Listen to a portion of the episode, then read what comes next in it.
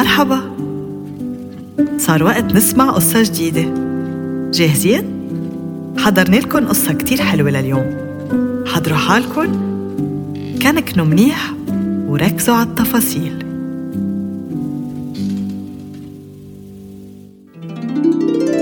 قصة السمكات الثلاثة كان يا مكان بقديم الزمان ثلاث سمكات أصحاب من هن وصغار. بيقضوا كل وقتهم بالبحر الواسع عم يلعبوا ويضحكوا ويتسلوا سوا. أول سمكة كان اسمها لولي وكان لونها أبيض مثل التلج. تاني سمكة كان اسمها وردة وكان لونها أحمر وعليها نقط صغار.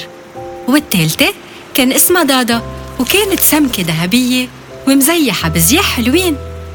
لولي ووردة ودادا كانوا يعيشوا كل يوم مغامرة جديدة. وكان البحر اللي هن عايشين فيه رايق وما في صيادين سمك. في نهار هن وعم يلعبوا غميضة سمعوا خبرية من غير سمكات ما بتطمن. سمعوا إنه الصيادي السمك عم يكتروا وبلشوا يقربوا صوبهم. بالأول صاروا يضحكوا السمكات ثلاثة وفكروها مسحة وكفوا لعب.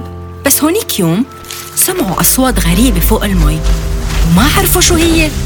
وهن وراجعين على بيتهم بيشوفوا خيال كبير فوقهم فايش على المي بيخافوا كتير وبيبلشوا سباحة بسرعة تيبعدوا قد ما فيهم. هودي أكيد السيادة قالت وردة شو لازم نعمل يا ترى؟ جمعوا السمكات وطلعوا بخطة كتير ذكية. تيحضروا حالهم في حال شي نهار قربوا الصيادين صوبهم وجربوا يتصيدون بالشبك. اتفقوا ثلاثتهم إنه إذا علقوا بالشبك يعملوا حالهم نايمين أول ما يسحبوا الصياد من الشبكة. هيك أول ما يشيل عينه عنهم دغري بينطوا بالميات وبيتسبحوا على الغميق. وبيوم من الأيام هن وعم يلعبوا وملهيين بين بعض. بتعلق فجأة لولي بشبكة صياد لأنه ما كانت مبينة الشبكة. وبتصير تصرخ ساعدوني ساعدوني! علقت بالشبكة ساعدوني! بجربوا دادا ووردة يساعدوها بس ما لحقوا. دغري شال الصياد الشبكة وطلعها فوق المي.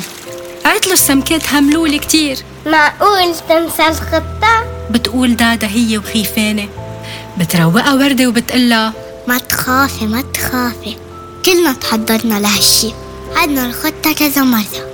كل اللي فينا نعمله هلأ إنه ننطرها هون. هيك وقت ترجع ما بتكون لحالها. فوق المي خلص الصياد شال الشبكة وفض السمكات بالشخطورة.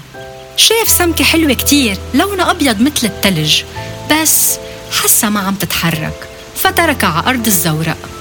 وأول ما برم الصياد ظهره تيكف الصيد بتنط لولي اللي كانت عاملة حالها نايمة بقلب الميات وبتبلش تسبح بعيد تما يرجع يلقط الصياد.